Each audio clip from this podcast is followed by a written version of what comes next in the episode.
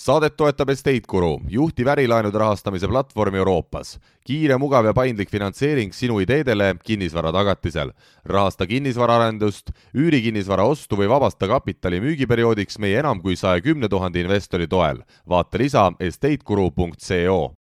ja kinnisvarajutud podcasti kuuekümne üheksas osa on eetris ja endiselt siis Geenius stuudiotes Siim Semiskar ja Algis Liblik, tere Algis! tere Siim! Täna peaaegu olid jälle hilja, hiljaks jäämas, et rääkisid mingist äh, olematust ummikust, fantoomummikust, mida tegelikult olemas ei olnud ja püüdsid ennast välja vabandada. no tegelikult vaata eelmises saates sai räägitud, et siin on fookus kahe tuhande kahekümne teisel aastal on see, et on vaja investoritega tööd teha ja tegelikult oli üks, üks telefonikõne, mis mida ei saanud lihtsalt ära lõpetada, et, et first things first. ja siis muidugi need valed, valed kipuvad tulema eks müügimeeste värk, noh. eks maaklerid jäävad ju ikka hiljaks. okei, okei, ärme sind rohkem peedista, sest ja. meil on stuudios väga huvitav külaline, kelle juttu me tahame oluliselt rohkem kuulata kui Algist, on nii? no mulle alati külalised meeldivad, nii et olen nõus ja nagu eelmises osas me tegime nii-öelda kordusepisoodi aasta tagusest, äh, kui me rääkisime enda eesmärkidest ja siis panime uued eesmärgid, siis äh, nüüd äh, tänane osa on samamoodi selles mõttes kordusepisood, et aasta tagasi käis meil sama külaline rääkimas enam-vähem samast teemast, aga teema on aktuaalne ja meil on täna külas konsultant ja koolitaja Tõnu Toompark Kinnisvarakoolist, tere Tõnu! tere, tere! ja teema on siis aktuaalne selles mõttes, et üritame vaadata natukene tagasi, mis juhtus kaks tuhat kakskümmend üks kinnisvaraturul ja peamiselt siis seda, et mis hakkab juhtuma aastal kaks tuhat kakskümmend kaks ja proovime siis seda vaadata peamiselt eh, kinnisvarainvestori vaatest, et eh, mis otsuseid teha, mis oleks õige, mis oleks vale, et eh, mina kuulasin selle eelmise osa Tõnuga ära ja seal oli see super lause, et, et nii-öelda see analüütik on see inimene, kes teeb, teeb ennustusi ja siis pärast äh, põhjendab väga veenvalt, kuidas need ennustused kõik äh, või miks need ennustused kõik valesti läksid. on nii, Tõnu? no täpselt, eks ta nii ole ja noh, mina olen enda kui konsultandi või analüütiku või eks ongi turuanalüütiku äh, funktsioon on jäänud selles, et ma avaldan mingit äh, parimat teadmist, mis äh, mingil hetkel on ja, ja mis siin salata, on läinud täppi, on läinud mööda, on läinud väga täppi, on ka läinud väga, väga mööda. Ja noh, eriti naljakas on muidugi see, kui keegi tõlgendab täiesti valesti ja siis läheb veel täppi. Noh, tegelikult on jaa, ma oleks tahtnud ju, tahtnud ju võib-olla kohe niimoodi, et aasta esimene saade on, on eelmise aasta kokkuvõte, et oleks noh, nii, nii up to date kui võimalik, aga paraku lihtsalt kuna turu, turu statistika ja tehingute numbrid ja asjad äh, lihtsalt esimeseks kuupäevaks koos ei ole ja see alati kuskil, tuleb seal äh, nädal-kaks peale kuu lõppu, et siis sellepärast me ootasime ära, et eelmise aasta numbrid kõik oleks koos, nii et siis Tõnu tuleb ja saab kohe lajatada siin, nii et, äh, et, et täna on numbri, numbrigurmaanidele ka võib-olla natukene üht-teist, et, et, et räägime sellest poolest põhjalikumalt siis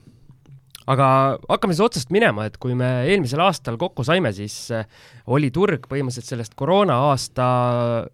hetkelisest, võib öelda, suurest kukkumisest kenasti taastunud ja siis sa ütlesid, et äh, on oodata kaks tuhat kakskümmend üks aastal äh, sellist mõõdukat kasvu. ja nagu me tänaseks teame, siis mõõdukas või mõõdukusest oli asi üsna kaugel, et äh, asi keris siin päris kuumaks nagu üks korralik saunakeris, et eriti teisel poolaastal siis, et et kuidas sa ise selle kogu aasta kokku võtaksid? No et, et mitte ainult aasta lõpus, et kohe aasta alguses, eks esimene-teine kvartal olid äh, üsna kuumad, siis suveks äh, kuidagi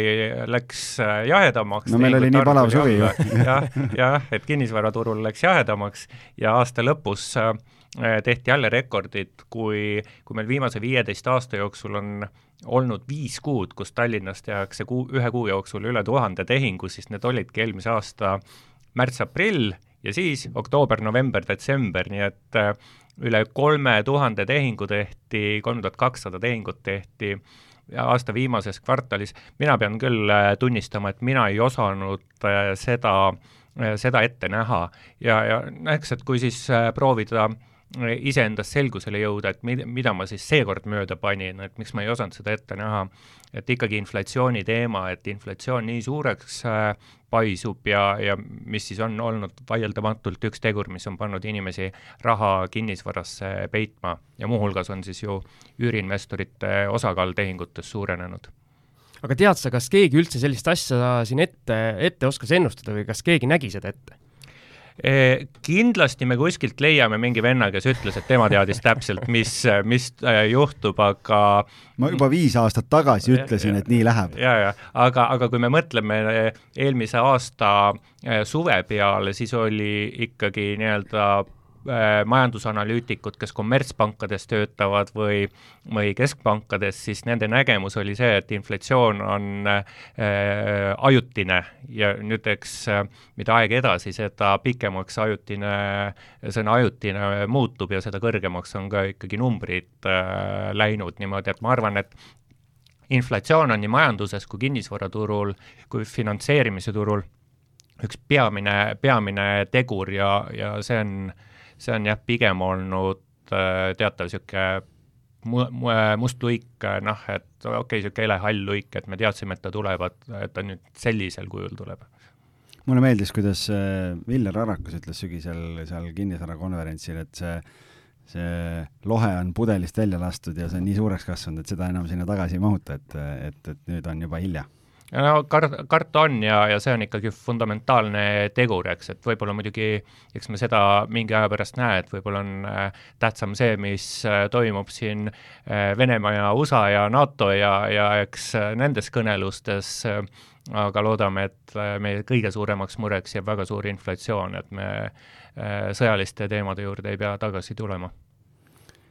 jaa, no selles mõttes, et vaata, kui tumedates to toonides me kohe alustasime. me jäime kohe algisele üksteisele otsa. hea, hea aasta algus kohe, on ju, aga aga noh, tuleme sinna siis selle numbrilise poole juurde nagu äh, võib-olla tagasi ja kaevame natukene sinna sisse, et äh, et tänaseks on eelmise aasta lõplikud andmed olemas, et äh, mis see hinnatõus meil siis tuli ja, ja, ja kas seal on mingit erinevust näha ka siis nii-öelda järelturu korterite ja uusarenduste vahel mm? -hmm hinnatõus jah, ütleme nüüd niimoodi, et et hinnatõusu, kuida-, kuidas mõõta, et üks võimalus oleks vaadata, et mis oli kaks tuhat kakskümmend üks kogu aasta keskmine korterite tehingute hind ja võrrelda seda kaks tuhat kakskümmend aastaga, aga, aga ma arvan, et see ei kirjeldaks olukorda päris hästi. sest et, esimene poolaasta tuli auk ja hinnad kukkusid? sa mõtled seda või? Ütleme niimoodi, et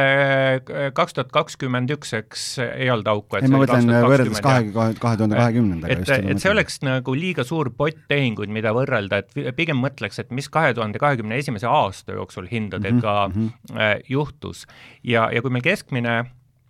hinnatõus Eestis oli kakskümmend üks protsenti, kui me võrdleme, mulle meeldib vaadata mitte kuud, aga kvartalit, et see on niisugune adekvaatsem äh, ajaperiood siis, kakskümmend üks protsenti olid äh, kakskümmend üks aasta neljandas kvartalis hinnad kõrgemal kui aasta varem ja Tallinnas oli, mis te arvate, palju? see oli kaksteist protsenti, te poleks nii madalat numbrit äh, julgenud öelda. ja ma oleks pakkunud mingi seitseteist või kuskil. aga aga mi-, oi, vabandust, ma öö, ütlesin valesti, Tallinnas oli viisteist, eks. no ma olin juba päris lähedal siis. olgu, lähme nüüd, lähme nüüd korra eks sammu tagasi. Eestis oli tehingute hinnamuutus kümme protsenti ja Tallinnas viisteist protsenti, nüüd tulid õiged numbrid, vaatasin õigesse tulpa, et ma mõtlesin, et eks loen kõik tabeli numbrid ette see on, kui nii palju numbreid on numbreid on tabelis. aga, aga viisteist Tallinnas, see on äh, uskumatult vähe ja, ja kui me vaataksime nüüd vanuse lõikes erinevat kinnisvaraturu segmente, elamispindade turusegmente, siis kõikides segmentides, peaaegu kõikides segmentides on hinnad tõusnud kakskümmend kuni kolmkümmend protsenti või isegi rohkem. et muutunud on tehingute struktuur ehk jagunemine uute ja vanade äh, korterite vahel, aga kui me ütleksime niimoodi, et üks korter, mis aasta tagasi maksis äh, sada tuhat, siis sada kakskümmend maksab ta vähemalt, võib-olla isegi sada kolmkümmend või natuke rohkem. nii et kakskümmend, kolmkümmend protsenti on samaväärne äh, vara kallinenud. vot Siim, oled sa oma varade ümberhindamise ära teinud, mis ei ole?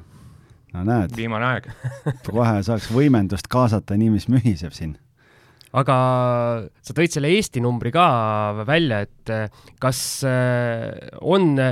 silma hakanud sul mõni võtame siis laialt Eesti piirkond, kus hinnatõus võib-olla on keskmisest selgelt kiirem olnud või hinnatõusu sootuks pole näiteks olnud või ka äkki Tallinnas eh, linnaosade kaupa on mm. mingeid eh, erinevusi, mis silma jäävad? ütleme niimoodi, et eh, kui me vaatame Eestit, siis Võrumaa niisugune ka, kaunis koht, eks muie, muie tuleb suule, kinnisvaraturu mõttes võib-olla mitte Eesti kõige olulisem piirkond, kus tehti ikkagi eelmine aasta viimane kvartal sada kakskümmend viis korteritehingut, siis hinnad olid üheksakümmend viis protsenti aastatagusest kõrgemal. Wow.. aga nüüd ütleme kohe Äh, selle märkuse juurde, et siin tuleks minna tehingute sisse ja just vaadata, eks, et kas seal on mingi üks väga kallis tehing või, või mingi ulmeline tehing või et see ei tähenda, et ju, et iga kinnisvaraobjekt läks äh, üheksakümne viie protsendi võrra kallimaks või siis mm, Saaremaal äh, nelikümmend protsenti, Läänemaal nelikümmend viis protsenti, Jõgevamaal viiskümmend neli protsenti, et oluline on vast see, et kõikides piirkondades Eesti maakondade lõikes vara kallines oluliselt kahekohalise äh, numbriga kirjutatava protsendimäära võrra ja, ja ütleme, et selline äh, maakondade kinnisvara kallines rohkem kui suurte tõmbekeskuste Tallinna, Tartu, Pärnu kinnisvara, miks madalal hinnatasemel on potentsiaali rohkem tõusta. aga kui kui, kui Tallinna linnaosasid äh, vaadata, siis äh, Kristiine ja Mustamäe hinnatõusud jäid alla kümne protsendi, aga jää, veel korra, et olid siis üheksa, üheksa protsenti, üheksa koma kuus protsenti, aga veel korra, et, et siin on niisugust äh, mambo-jambot natukene, et pigem ikkagi võime ka Kristiine ja Mustamäe kohta samamoodi öelda, et ikka kakskümmend, kolmkümmend protsenti tuli aastaga juurde, et või, et siin on niisugused jälle mingid üksikud tehingud või, või asjaõiguslepingute sõlmimised võivad seda mängu muuta. ma just tahtsin küsida, et ma eelmisest aastast mäletan, et kui me küsisime Tõnu käest, et noh, kus oma portfell on, et siis Kristiines, et siis ma kohe mõtlesin, küsingi, et noh, et kuidas on siis, et sul on Kristiines, et seal on kõige väiksem kasv, et et kas süda valutab ka, aga no näed, mees kohe parandas ära ja ütles, et tegelikult kasv on suurem, et ütleme Tallinna,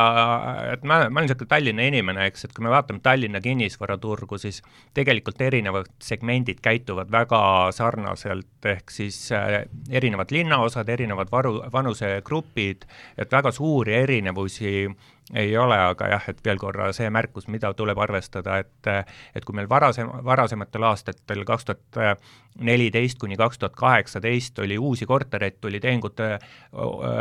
tehingute hulka järjest juurde ja, ja hinnatõus mida keskmine, keskmise hinnamuutus näitas, oli liiga kiire, et tegelikult kinnisvara ei kallinenud nii palju, siis nüüd on asi vastupidi, aga see hakkab juba kaks tuhat kakskümmend kaks aasta alguses muutuma okei okay,, aga, aga kui, kui sa, sa ütlesid enne, mul jäi, jäi kõrvu, et äh, see tehingute struktuur on selles mõttes muutunud, et äh, sa pidasid silmas seda, et uusarenduste osakaal on tõusnud või, või vastupidi, vastupidi. On vähenenud, äh, tehingute statistika peegeldab asjaõiguslepingute sõlmimist ja uute korterite asjaõiguslepingute osakaal tehingute kogumahus oli kaks tuhat kakskümmend üks aastal alla kahekümne protsendi. Seda on äh, uskumatult vähe, kui mõelda, et kaks tuhat kakskümmend või üheksateist oli asjaõiguslepingutes uusi kortereid kuskil kolmkümmend protsenti. miks neid nii vähe oli kaks tuhat kakskümmend üks aastal, seetõttu, et kaks tuhat kakskümmend alustati vähemate uute majade ehitamisega koroona tõttu, eks, mis muul põhjusel. aga kaks tuhat kakskümmend lõpus äh, või, või siis eelmise kaks tuhat kakskümmend üks aasta alguses juba, eks pandi väga agressiivselt, pandi projekte töösse, praegu ehituses olevate uute korterite maht on Äh, üüratu. Ja, ja nüüd siis kaks tuhat kakskümmend kaks ütleme, võib-olla isegi detsembris, et siin tuleks natuke detailidesse minna, ma pole, pole, pole jõudnud seda teha, aga eks me selle aasta esimeses pooles kindlasti näe, kus siis uute korterite osakaal tehingutes hakkab jõuliselt kasvama, sest asjad hakkavad valmis saama ja asjaõiguslepingutesse jõudma. Ja sealt tuleb mingi hinnahüpe. Aga see on väga hea, et sa tegelikult viisid selle või, või et nüüd me jõuamegi sinna, et mul tegelikult järgmine küsimus oligi, et et noh, et hästi palju on kuidagi eh, viimastel kuudel juttu olnud sellest, et eh, hinnatõusu taga on vähene pakkumine ja suur nõudlus ja et, et mida see numbriliselt vähene pakkumine tähendab ja et kuidas see numbrites väljendub ja, ja mida see pakkumise defitsiit siis reaalselt tähendab eh, nagu, et kui palju see pakkumine vähenenud on täna turul? pakkumiste defitsiit tähendab seda, et kui, kui ma tahaksin minna uut korterit ostma, ega siis mul liiga palju valida ei ole et kui, kui ma ei taha uut korterit osta kesklinna või Haaberstisse, siis mul ei ole sisuliselt midagi valida, okei okay,, see oli väike kunstiline liialdus, et ikkagi väga vähem pakkumist. Äh, Tallinna uute korterite pakkumiste maht on siin kuskil tuhande kolmesaja, tuhande neljasaja kandis ja ta oli meil äh, aasta tagasi üle kahe tuhande ehk ja, ja väga palju uute korterite arendusprojektidest on koondunud äh, Haabersti linnaossa, Väike-Õismäele, selle ümbrusesse, Astangu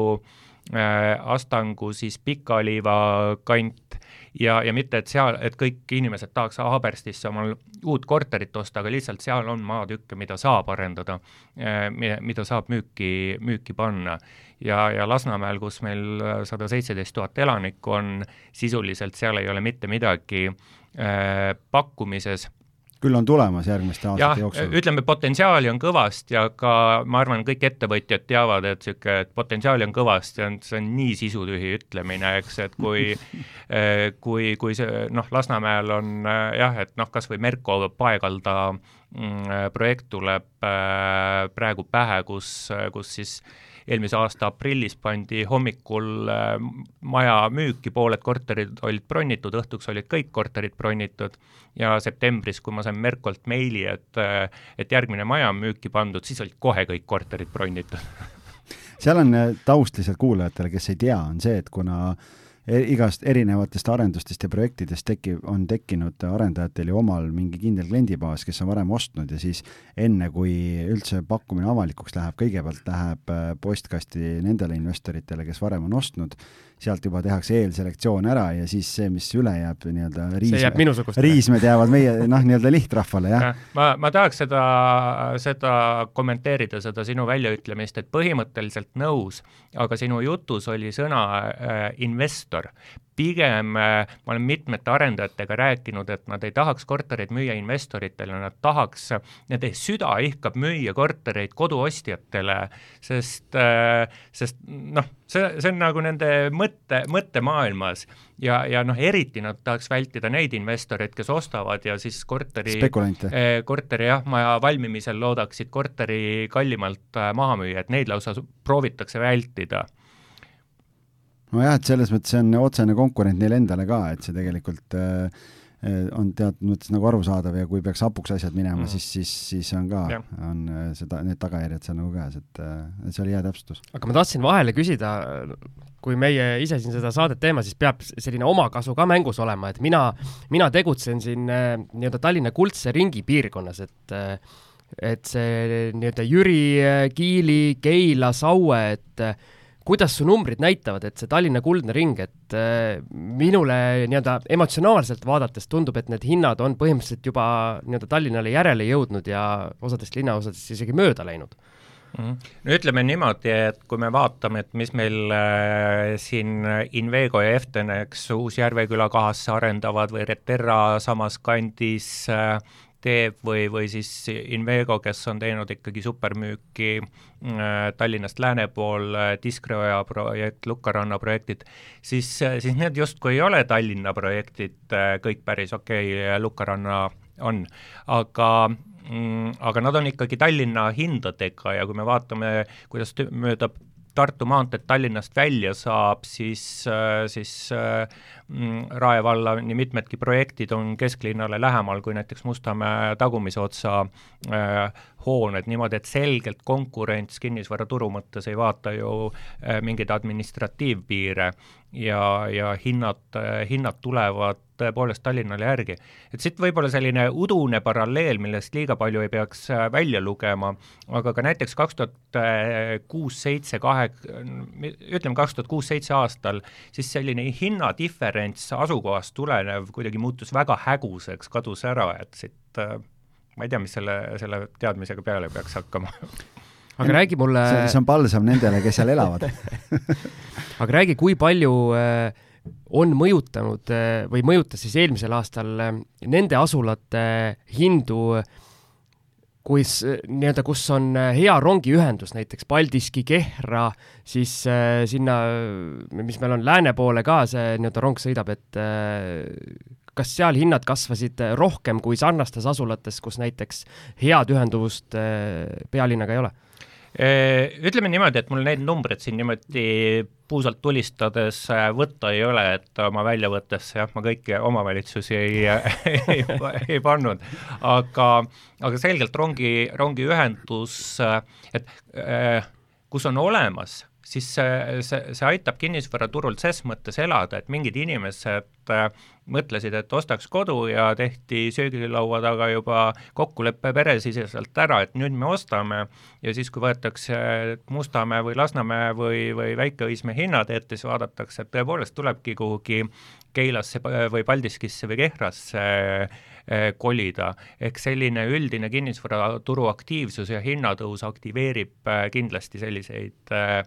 väiksemaid asulaid, et on üks, üks tegur teiste paljude seas aga lisaks kiirele hinnatõusule on, on tehingute arv ka lähenemas buumieelse või noh, nii-öelda sinna buumiaja tipule siis, et kui palju see tehingute maht kasvas siis aasta lõikes? Ütleme niimoodi, et kui me vaatame Äh, kui palju tehti kaks tuhat kakskümmend üks aastal tehinguid, siis neid oli kaks tuhat seitsesada, äh, kaks tuhat kakskümmend seitse tuhat Eestis, äh, kõik kokku ja natuke peale ehk ligi veerandi võrra rohkem kui kaks tuhat kakskümmend, aga eks kaks tuhat kakskümmend oli koroona aasta, kus teine, kolmas kvartal olid suht napi tehingute arvuga. ja Tallinnas tehti kümme tuhat üheksasada tehinguid, tehingut ehk siis kakskümmend kaks protsenti aasta aastatagusest rohkem ehk võrreldavad äh, kasvud nüüd Tallinnas kui, kui Eestis, äh, Eestis kokku. nii et äh, tehingute arv jaa, lööb rekordeid viimase viimase siin kolmeteist, neljateist, viieteist aasta rekordeid, et mis, mis, mis perioodi me detailsemalt vaatame. Ja ma ütleks, et tehingute maht on liiga suur, liiga suur, ehk ütleme, ühiskond paigust, paigutab ressursse väga palju kinnisvaraturule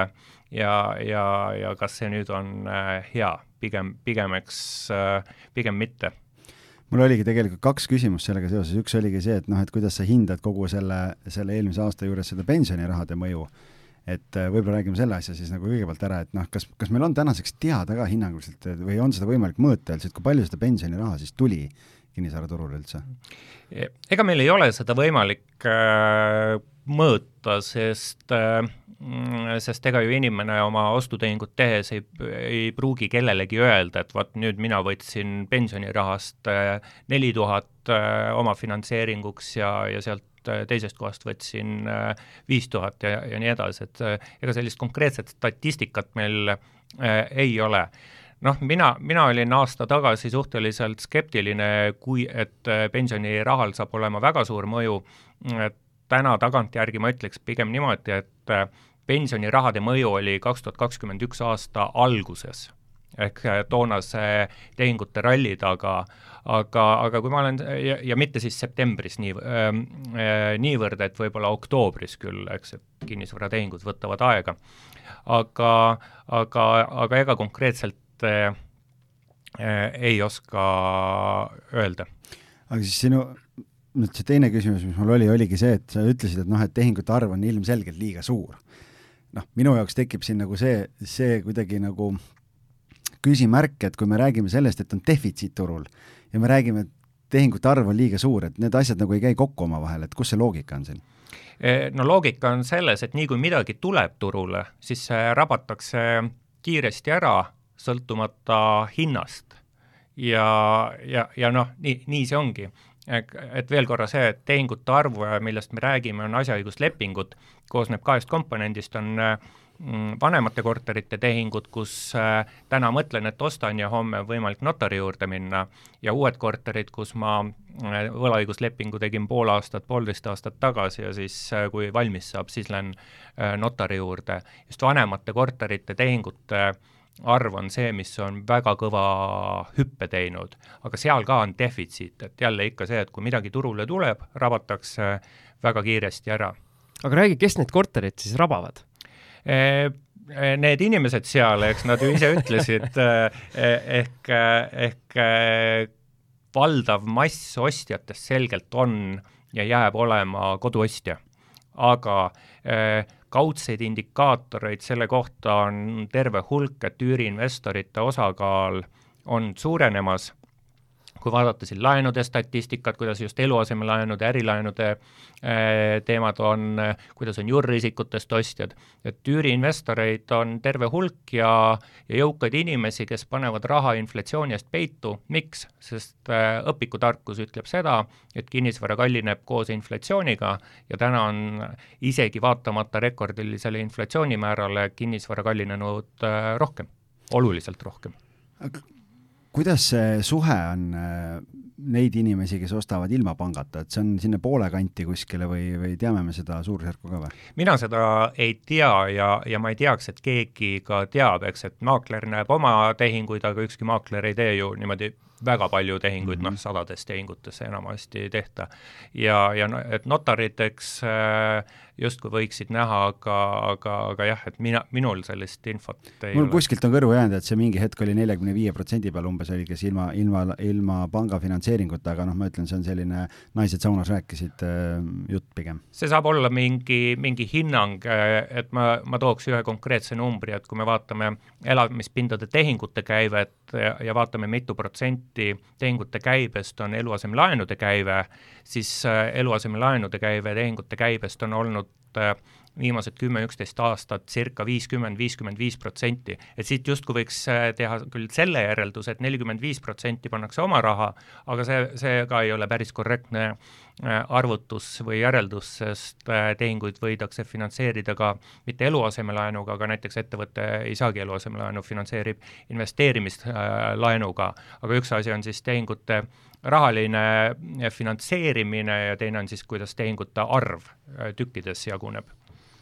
aga kui me nüüd räägime sellest, et ma, ma ei mäleta, kus keegi suurtest kinnisvarabüroodest oli, kes, kes hästi nii-öelda tuli sellise, sellise hüpoteesiga välja, ma ei tea, kas, kas see on tänaseks juba turul realiseerunud või ei ole, aga et et umbes, et kuna, kuna ehitushindade ja kogu elu kallinemine on, on selline, mida keegi ei oska ette näha ja, ja uue maja ehitamine võtab seal aasta-poolteist-kaks, võtab aega, sõltuvalt maja suurusest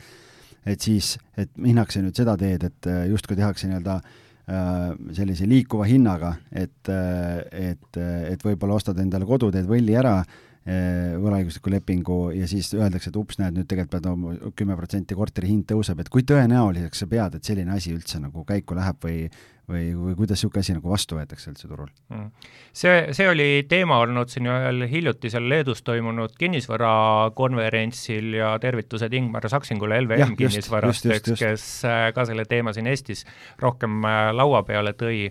aga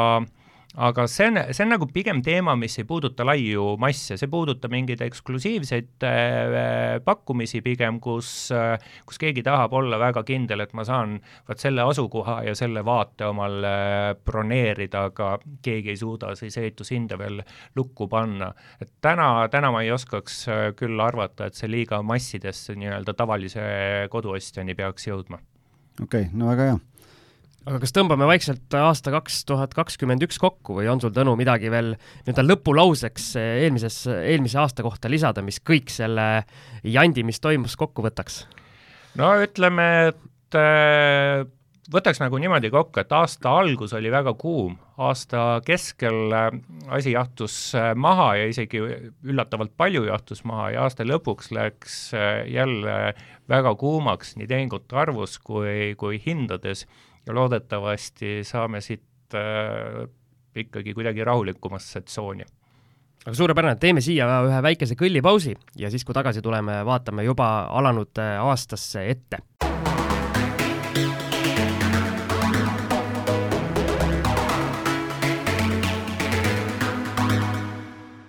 ja oleme pausilt tagasi ja nagu lubatud, äh, siis äh, nüüd on aeg äh, visata pilgud aastasse kaks tuhat kakskümmend kaks, mis meil siin juba käimas on. et äh, Tõnu, mis sa siis äh, suures plaanis äh, ootad siit äh, või sa tahad, et võtame siin kvartalite kaupa või kuidas sul see ennustamine käib, et kas sa oskad juba terveks aastaks mingeid asju ette ennustada, arvestades, kuidas see eelmine aasta ka, nagu sa ütlesid, et sisuliselt kolmest perioodist koosnes, et äh, kuumenemine, jahtumine ja kuumenemine, et äh, ma võin öelda, et Tõnul pendlit kaasas ei ole, nii et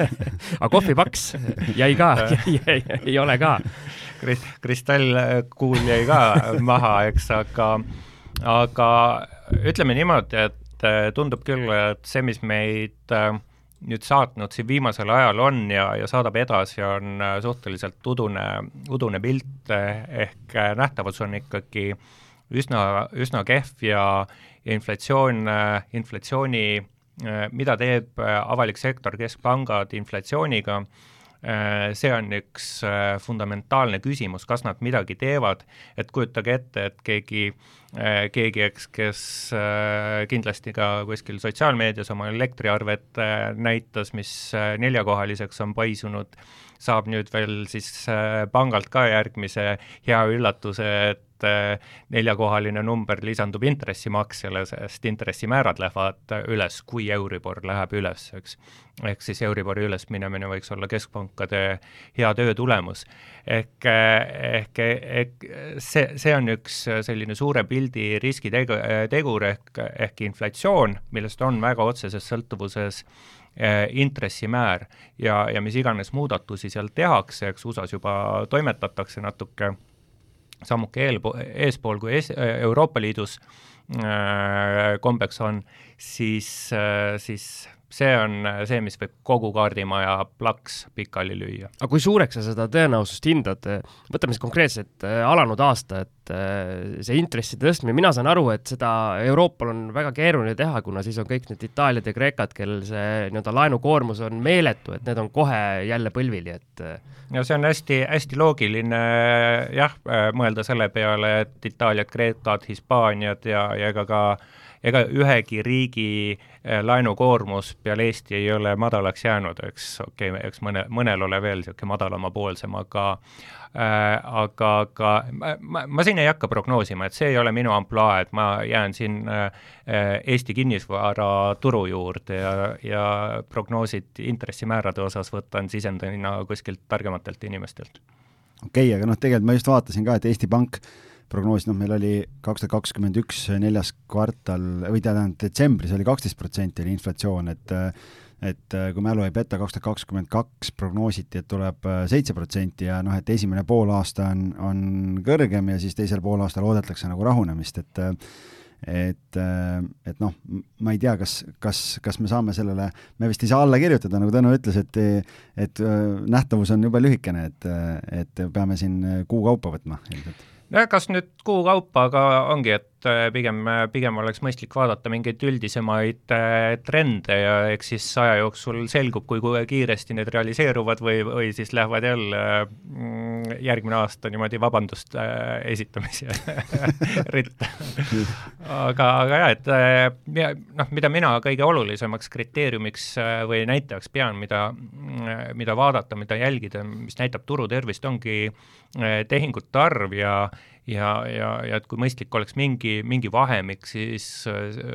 siis ma ütlen küll, et me oleme sellest vahemikust äh, oluliselt üle, et kui me siin ennem rääkisime, tehingute mahud on kasvanud siin kahekümne, kahekümne viie protsendi võrra, siis mõelge, et kui palju on käibed kasvanud, sest hinnad on ju ka ülespoole läinud, et rahaline äh, panus, mida inimesed kinnisvaratehingutesse on äh, pannud, kaks tuhat kakskümmend üks on kasvanud seal nelikümmend protsenti ja noh, seal, seal, sealkandis, et lihtsalt ühiskond äh, suunab ressursid äh, väga kitsasse äh, sektorisse ja, ja noh, eriti ohtlik võib see neile olla, kes on niisugused, ütleme, madalama sissetulekuga, ostavad kalli kinnisvara ja siis eks tulevad karmid küttekulud näiteks äh, peale. aga tehingute arv jah, et äh, et, et kui võiks arvata, et ikkagi mingi, mingi selline normaliseerumine võiks toimuda, ehk siis tehingute arv võiks mõnevõrra allapoole tulla, aga mina küll ei oska näha, et tehingute arv saaks oluliselt kukkuda, ehk me jääme ikkagi väga aktiivse turu tingimustesse. Ja, ja väike põhjendus ka tuleme sama teema juurde tagasi, mida tegelikult sai juba puudutatud, ehk eh, kui kaks tuhat kakskümmend lõpus või kaks tuhat kakskümmend üks alguses alustati väga paljude korterelamute arendamisega, siis need jõuavad nüüd tehingutesse. et see on kas või üks näitaja, miks tehinguid eh, tehakse jätkuvalt väga palju eh, kogu kaks tuhat kakskümmend kaks aastal, sest töös olev maht on ikkagi üüratu et algisel on siin meie märkmetesse kirja pandud äh, selline, selline jutt, et äh, kaks tuhat kümme kuni kaks tuhat kakskümmend äh, liikus siis palgakasv, inflatsioon ja kinnisvara hinnatõus enam-vähem siis käsikäes ja siis üldine hinnang oli, et, et see võikski nii olla, et see on selline nii-öelda terve turu näitaja justkui. aga nüüd siis on olukord vist muutunud, et hinnatõus ja inflatsioon liiguvad ikkagi palgakasvule eest ära, sest see palgakasv on kindlasti selline asi, mis natukene tagantjärele kõikide muude asjadega käib, et et kas sa nii-öelda hindad, et võib-olla ala, alanud aastal sellisel tavalisel koduostjal muutub järjest keerulisemaks endale uut kodu soetada, et nad lihtsalt ei jaksa seda, ei jaksa seda kinni maksta? Mm.. no üt-, ütleme niimoodi, eks, et kui kinnisvara kallines, ütleme siis madala numbri, kakskümmend protsenti ja palk kasvab äh, seitse protsenti äh, ja küttekulud kasvavad äh, kakssada protsenti, no siis on selge, et asi läheb oluliselt keerulisemaks ja ja läheb keerulisemaks nii selle pealt, eks, et omafinantseeringut on vaja tuhandetes eurodes rohkem, mis on äh, enamasti suur äh, pudelikael tehingute tegemisel ja, ja, ja siis ka laenu tuleb rohkem võtta, ehk laenumaksed lähevad äh, ülespoole. madal intressimäär on olnud ja noh, pal-, siiski kiireks äh, võime nimetada palgakasvu, need on äh, mõnevõrra olnud kompenseerivad tegurid, aga ikkagi elamispindade kättesaadavus koduostjatele väheneb oluliselt aga kas see võiks nii-öelda naeratuse näo, näole tuua minusugusele väikeinvestorile, kes tegutseb esiteks nii-öelda üüriäris ja teiseks tegutseb nii-öelda flippides sellist odavama otsa kinnisvara, mis,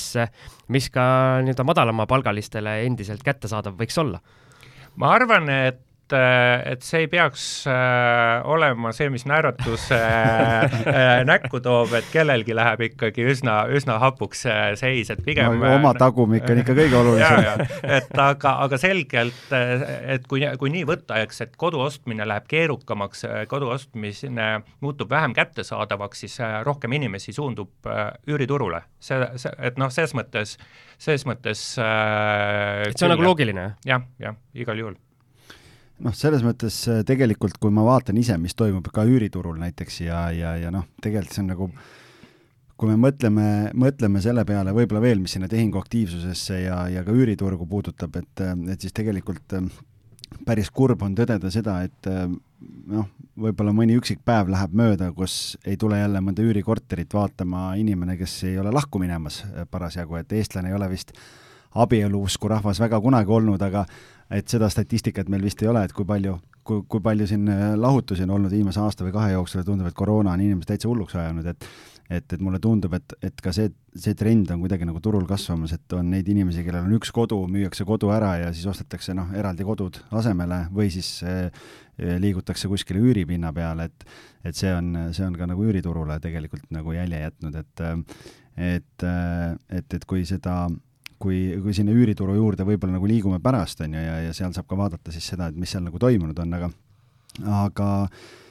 põgusalt rääkisime juba sellest ka, et, et noh, ega me ei saa siin nagu ennustada, aga noh, sa ikka aeg-ajalt jagad ka äh, sotsiaalmeedias, et Euribor on praegu läbi aegade kõige, kõige madalamal tasemel ja, ja noh, rahatrükk jätkub, on ju, et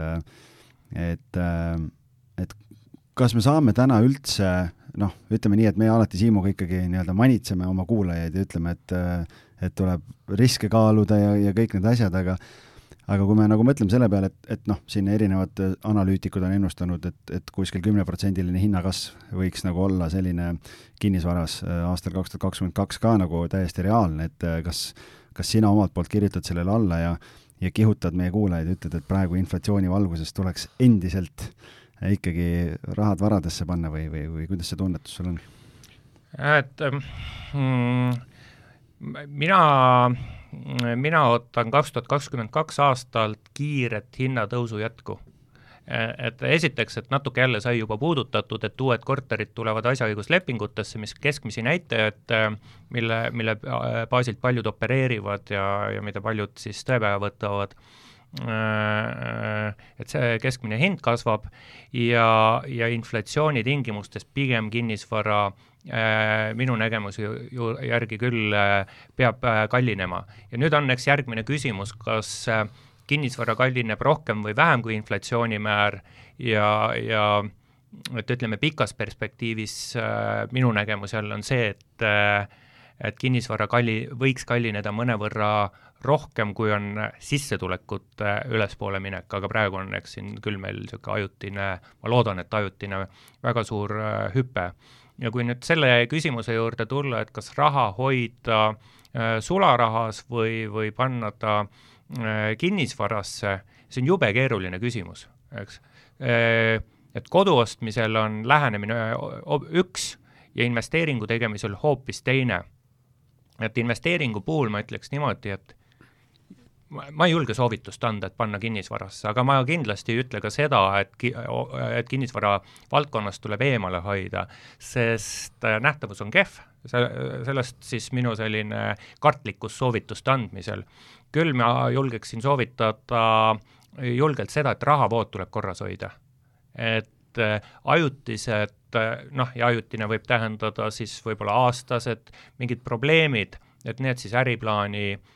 uppi ei lööks. aga eks defitsiidi tingimustes äh, saata inimesed turule ja öelda, et osta ja, ja vahet pole, kui sa viis protsenti üle, üle maksad, et see, see tunduks nagu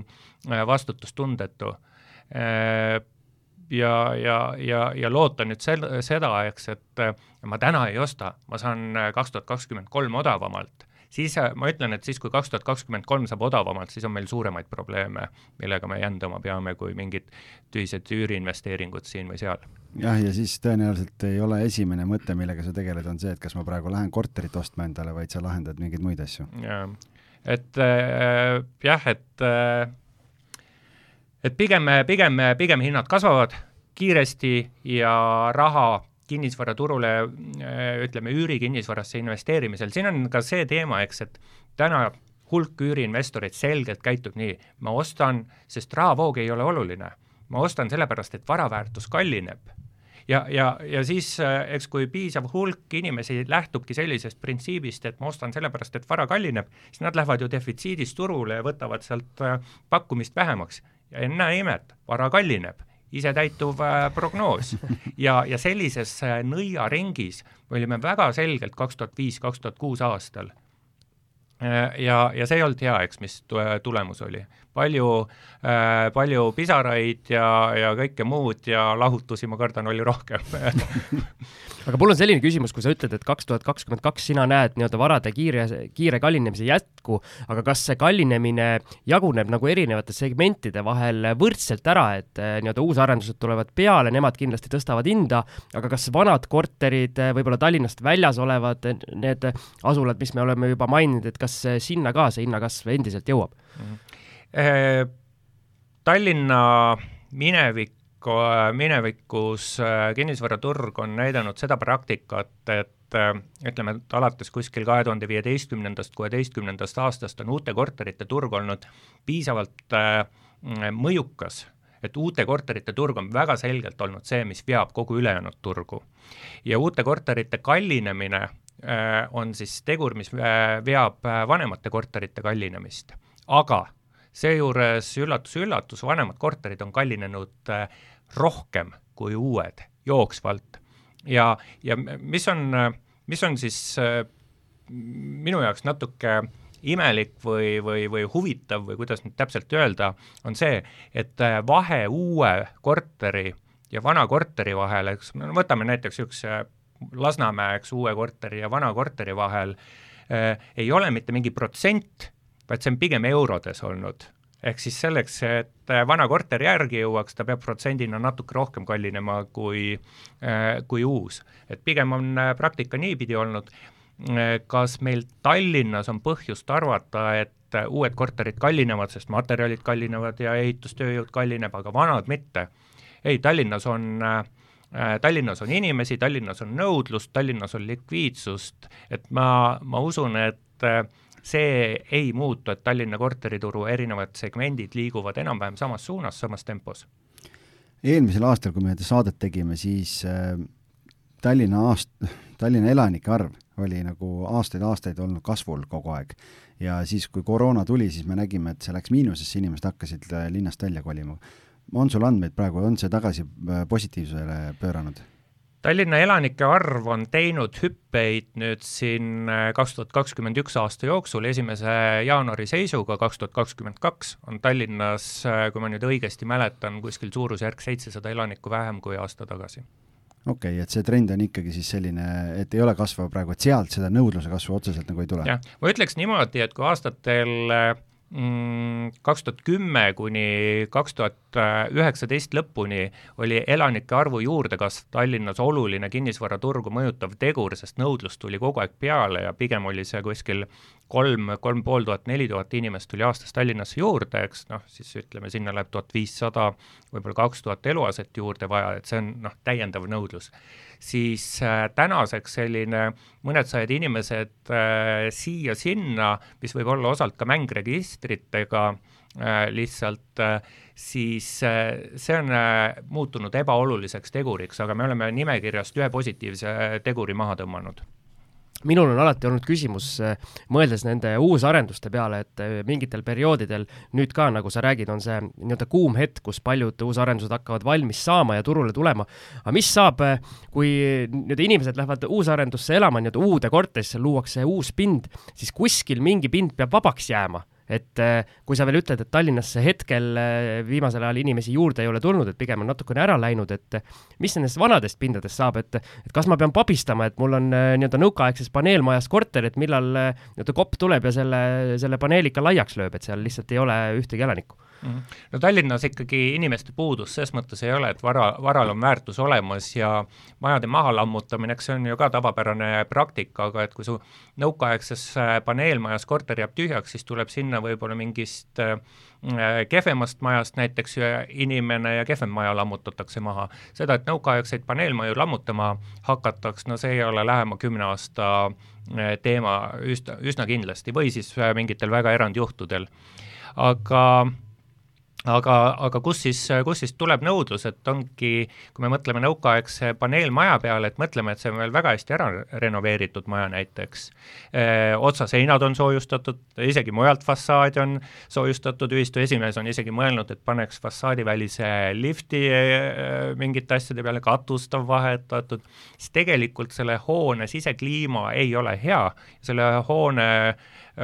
hoone, korter on odav, aga ega seal elada kuidagi ses mõttes odavam ei ole ja, ja just nii-öelda sisekliima mõttes kuidagi äh, hea ei ole, et kaasa, kaasaegsed äh, hooned on oluliselt paremad. ehk, ehk selline kvaliteedi parandamine võiks olla ka üks oluline tegur, mis siis äh, uusarendust äh, rongil hoogu sees hoiab. okei okay,, aga me oleme nüüd rääkinud siin äh, eelmisest aastast ja sellest aastast, aga me eelmisel aastal puudutasime Tõnu isiklikku portfelli ka, et äkki, äkki vaatame sinna ka, Tõnu, on sul endal midagi võib-olla veel lisada selle eesootava aasta kohta, enne kui me sinu enda äh, asjadesse korra pilgu viskame? meil jäi üüriturg jäi üldse ju puudutamata õige, õige, ma tahtsin siin, ma tahtsin sinna tulla, okei väga hea, väga hea. ei, väga hea, väga hea, väga hea. jaa, tegelikult äh, äh, meil oli eelmisel aastal, kui me seda saadet tegime, siis meil oli see, see pakkumiste arv turul oli umbes tuhat viissada, et kui me läheme tagasi nüüd sinna aastasse kaks tuhat kakskümmend ja me kõik mäletame, et see noh, et kui tavaline üürituru pakkumine on niisugune tuhat kuni tuhat kakssada korterit, siis ta tõusis kahe tuhande peale, sest Airbnb korterid tulid pikaajalise üüriturule, siis eelmise aasta alguses oli tuhat viissada ja siis me sinuga koos siin arutasime, et noh, ju ta umbes sellisesse suurusjärku võiks nagu jääda. Mm.. noh, jällegi, tegelik elu läks nagu teistmoodi ja, ja, ja vähemalt kui mina vaatasin, siis kõige madalam hetk, mida mina nägin eelmisel aastal, oli suurusjärk üheksasada pakkumist Tallinnas, see oli vist, ma ei tea, kas oktoober äkki või, või mingi selline kuu ja nüüd üleeile vaatasin, oleme tuhande kahesaja peal tagasi, et niisugune tuhat, tuhat kakssada, et niisugune normaalne turg on nagu justkui nagu tagasi, et et äh, kuidas sa ise, ise nagu näed seda, et, et mis on tinginud selle, et, et meie eelmise aasta prognoos sinuga, et see tuhat viissada on uus normaalsus, ikkagi nagu täide läinud? et, et see pakkumine on väiksem no eks me rumalad olime, et nii valesti prognoosisime, aga diletandid. jaa, jah, aga, aga see oli, see oli jah, täitsa huvitav, et aa, et miks pakkumine tuli alla, oli, oli ju tegelikult pakkumiste vähenemine sai alguse märtsis-aprillis ja, ja jooksis kuni siis novembrini sirgjoones allapoole. Ja, ja, ja ütleme, et sellist augusti-septembri mm, ja võib-olla veel oktoobrikuist pakkumiste vähenemist võiks võib-olla mõnevõrra selgitada üürituru kõrghooajaga, inimesed äh, liiguvad rohkem jälle, õpivad, äh, tulevad õppima Tallinnasse, eks mingid ettevõtted, mis olid kinni pandud või poolkinni pandud, jälle värbasid ja nii edasi. aga, aga selline alla isegi üheksasaja pakkumise, et see oli ikkagi ajutine ja, ja mis meil siis, ma siit libisen sujuvalt prognooside juurde või noh, pigem siis võib-olla teadmise juurde on see, et jälle, et kui meil kaks tuhat kakskümmend kaks hakkavad valmima äh, ehituses olevad uued korterid ja seal on olnud palju üüriinvestoreid, kes on korterid ostnud, siis üüripakkumine just uuemate, kvaliteetsemate pindade arvelt hakkab äh, kasvama ja konkurents hakkab jälle tihedamaks minema et see, see võiks olla midagi niisugust, mis juba on vaikselt aset leidmas. ja üks asi on tõenäoliselt ka see, et tegelikult on siin Eften ja, ja teised suured institutsionaalsed investorid on üürimaju teinud ja seal need hakkavad ka valmis saama ja sealt tuleb ka seda pakkumist tegelikult päris palju. ja, jah, ma isegi praegu nüüd päris, päris niimoodi faktina ei tea, et Eften juba müüb oma üürikortereid Mustamäel ju mõnda aega, aga kas nad juba pääst-, pääst-, lasevad inimesi tuppa ka, et vist, vist ikka aasta lõpust juba minu meelest ma olen mingeid fotosid näinud juba, et esimesed õnnelikud on juba oma korteritesse pääsenud, nii et ja, ja nii et, nii et üüriportfellid Äh, mis on äh, niimoodi konkreetselt turule pakkumisele, äh, pakkumisse tulemas niimoodi suure, suuremas mahus, et need, need on muidugi teema ja, ja pluss siin üürimaju on ju arenduses ka ÜIT ja PTA, eks, kes siin tegid, tegid koostööprojekti Pan Baltic lausa. Ma teen nüüd suure teene meie nii-öelda hästi tavalistele kuulajatele küsin Tõnult niimoodi, et kui ma olen nüüd äh,, Mati Mustamäel oli meil. jaa, meil on Mati Mustamäelt. Mati Mustamäelt äh, läheb uusarendusse elama, tal on hea elujärg ja jätab oma Mustamäe korteri nüüd üürile ja kas ta saab küsida uuel aastal nüüd kõrgemat üüri, kui äh, näiteks oli kaks tuhat kakskümmend üks äh, sealsamas Mustamäel see, see üüri, äh, üürinivoo või peab leppima enam-vähem sama summaga. Ma ei tunne Matit Mustamäelt, aga aga, aga jaa, kindlasti, kindlasti on äh, üüripakkumiste arvu vähenemine ehk äh, defitsiit, mis puudutas ka üüriturgu, andis, andis kohe võimaluse üürihindadel ülespoole minna ja, ja seda praktikas äh, toimus, eks läbi siin statistiliste näitajate, kui erinevad äh, turuosalised kõik kinnitavad seda. kaks tuhat kakskümmend üks aasta jooksul läksid üürihinnad üles ja pigem siis mitte küll liiga kiires tempos, mitte samas tempos, millega lähevad ülespoole korterite ostu-müügihinnad, siis üürihind on üsna tõenäoliselt võimalik tõsta. eks nüüd aeg näitab, kui palju ikkagi päriselt äh, tuleb uute korterite valmis saamisest üüriturule uut pakkumist peale, et see võib olla jälle midagi, mis äh, prognoose muudab no mina saan ise võrrelda just, et kui koroona ajal kukkusid seal tulekul hinnad vanemates korterites arvestatavalt, uut, uutes mitte nii väga, siis tegelikult täna on küll juba ikkagi üürihinnad on, on läinud mööda sellest äh, koroonaeelsest ajast juba, et äh, et just ühes üürnik, korteris üürnik vahetus siin, üür oli seitsesada viiskümmend, mis sai eelmise aasta kevadel välja antud ja ja, ja, ja nüüd läks kaheksasaja kahekümne viiega, mingi korter, mis oli viiesajaga, läks viiesaja viiekümnega, et, et tegelikult on näha, et et täna ikkagi see on nii-öelda äh, turg on, on omanikku soosiv praegu sellepärast, et saab küsida kõrgemat hinda, sest ega ja jälle jõuame sinna, et, et seda kvaliteetset pakkumist on ikkagi vähe, et, et kes tahab kõrgemat hinda, siis natukene vuntsida ja, ja tegelikult annab sealt kohe kasvatada. jah, aga Mati, Matile soovitus, ma tegelikult rääkisin talle võib-olla igaks juhuks kordan üle et kui Mati uude korterisse kolib ja tal raha, noh, eelarvest veab välja, siis ma ütleks, et miks mitte ikkagi jah, et vana korter alles jätta, et äh, kui on konkreetselt rahale mingi teine otstarve, et siis võib muidugi maha müüa, aga aga kinnisvaras tänase teadmatuse, just majanduse vaates teadmatuse äh, olukorras äh, raha hoida pole, pole paha ja ma kuulsin, Matil pidavat päris hästi minema viimasel ajal. no, no vot ja kui tal läheb hästi, siis ta tõenäoliselt on ka panga silmis väga heas kirjas, mis tähendab, et ta saab väga soodsatel tingimustel laenu täna, mis tähendab seda, et kui ta vana korteri välja üürib, siis see võib-olla maksab tal ka selle uue laenu ära, nii et igal juhul väga intelligentne otsus mm. et äh, Tõnu, kas sul on midagi üürituru kohta veel lisada, kas, kas me näeme kuidagi äh, ka mingit muutust äh, nii-öelda pakutavate korterite suuruste osas, selles osas, et äh, mina, noh, mis mina ise olen nagu näinud, et äh, on, on see, et võib-olla otsitakse pigem natuke suuremaid, et näiteks noh, ütleme, et tavaline kahetoaline korter on ju selline nelikümmend, nelikümmend viis, nelikümmend seitse ruutu kuskile sinna vahemikku jääb. mul hiljuti tuli portfelliks kuuekümne kuue ruudune kahetoaline ja tormi joosti, hind oli kaheksasada viiskümmend eurot, ei ole odav kahetoaline. ja, ja järjekord oli ukse taga, nii et et tundub, et inimesed tahavad rohkem ruumi, kuna veedetakse rohkem aega kodus ja kaks pluss kaks peab kodus olema. et jah, et, et kuidas sina näed seda? ütleme niimoodi, eks, et kuskil on mingid korterid, mida välja üüritakse ja muutused äh, korterite portfellis, kui me noh, ütleme siis üüri, üürielamufondis, sellised muutused toimuvad ikkagi väga aeglaselt, et nüüd kuidagi kõik äh, mingis vales äh, formatsioonis olevad korterid maha müüdakse ja õigele asemele ostetakse, et niisugused muutused ei toimu üleöö. aga äh, et see noh, mingis mõttes ma ütleks, et kuuekümne kuue ruudune kahetoaline, aga kommunaalid on ju kolmetoalise omad et tubasid on kaks, aga kommunaalid on kolmetoalisemad, sest noh, kolme, kuuekümne kuue ruudu peale läheb ju kolmene elusasti ära. ja, ja, ja pigem võib-olla täna on isegi kolmetoalisele priiskamine kuuskümmend kuus ruutu juba, kui arendusi vaadata. ja, ja aga pigem ma arvan, et selline suurema pinna, et üks, mis paneb suuremat pinda tahtma, ongi tõepoolest see, et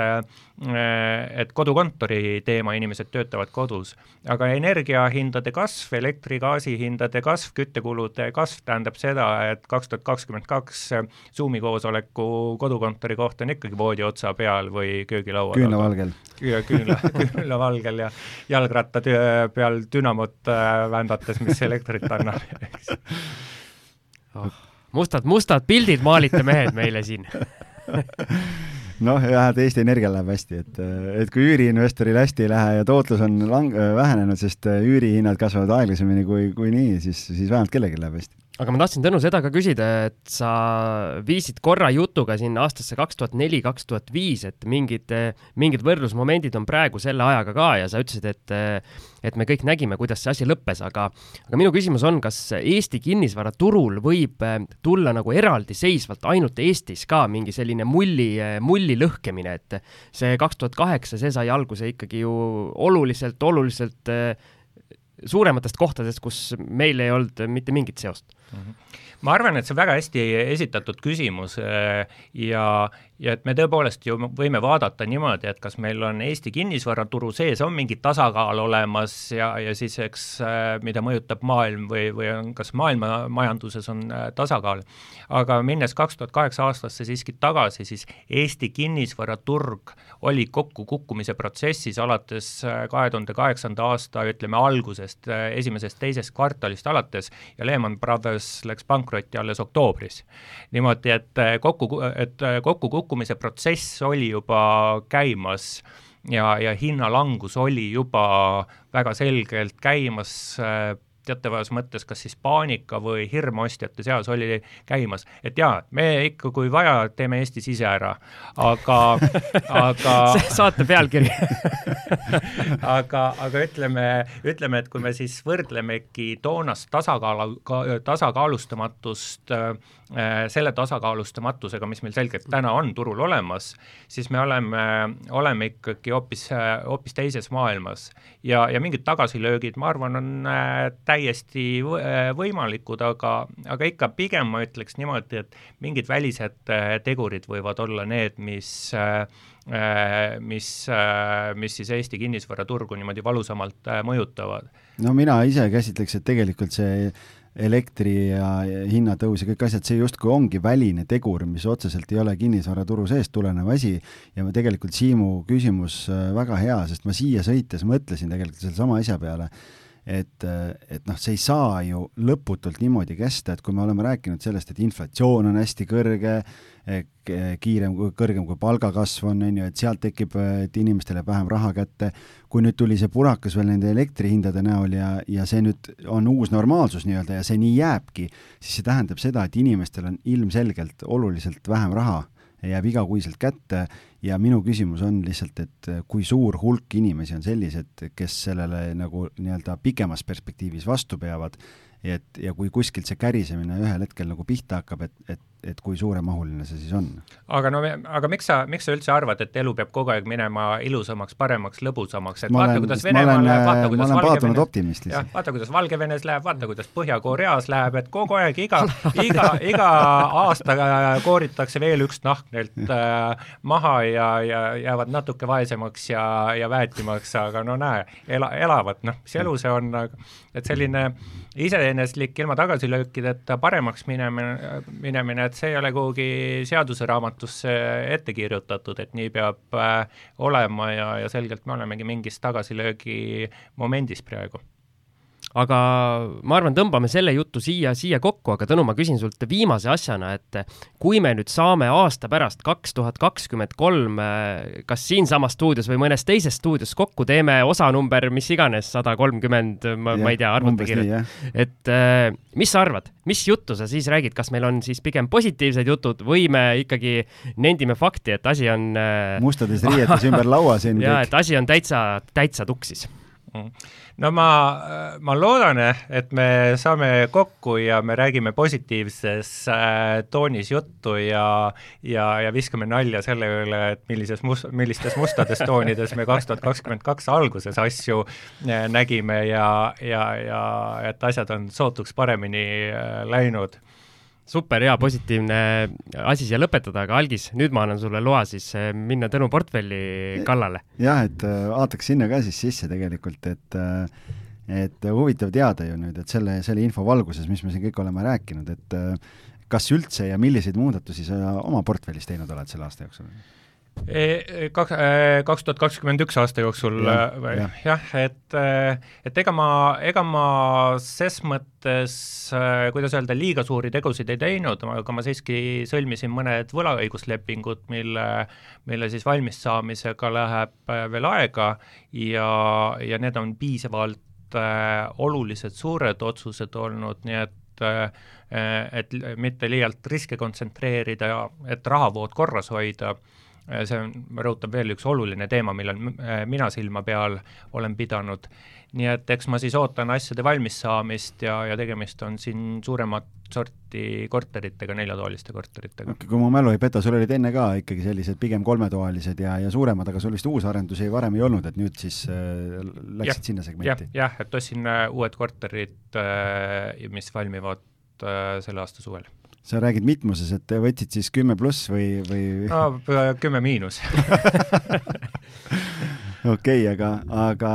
kuidas, kuidas sul omal, aga hindade koha pealt ja, ja üürnike vahetuse koha pealt, et on sul, on sul nagu selline loksuv vesi või, või on seal ka miskit äh, muutunud? Mul kaks tuhat kakskümmend üks aastal äh, tegeles korterite üürile andmisega operaator ja, ja praegu olen siis üsna pikalt olnud korterit endale tagasi nii-öelda ülevõtmise protsessis sees ja ja, ja siin nüüd, nüüd kohe-kohe saab, saavad võib-olla viimased, viimased asjad äh, üle võetud, et äh, natuke panen ise rohkem käe masinasse ja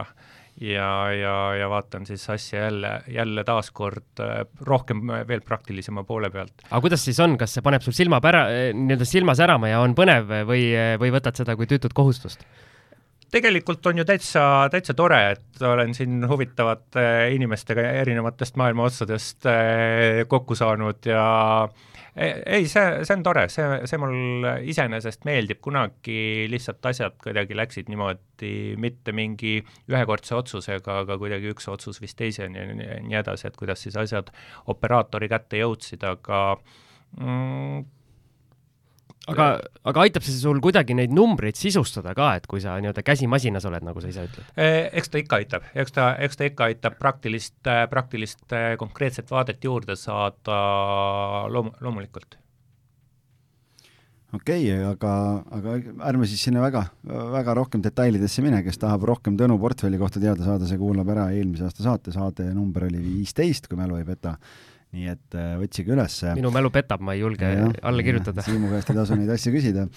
aga võib-olla siis viimase asjana veel, et me oleme siin rääkinud positiivsetest toonidest, oleme rääkinud natuke mustematest äh, stsenaariumitest, et ähm, mida sa soovitaksid neile inimestele, kes äh,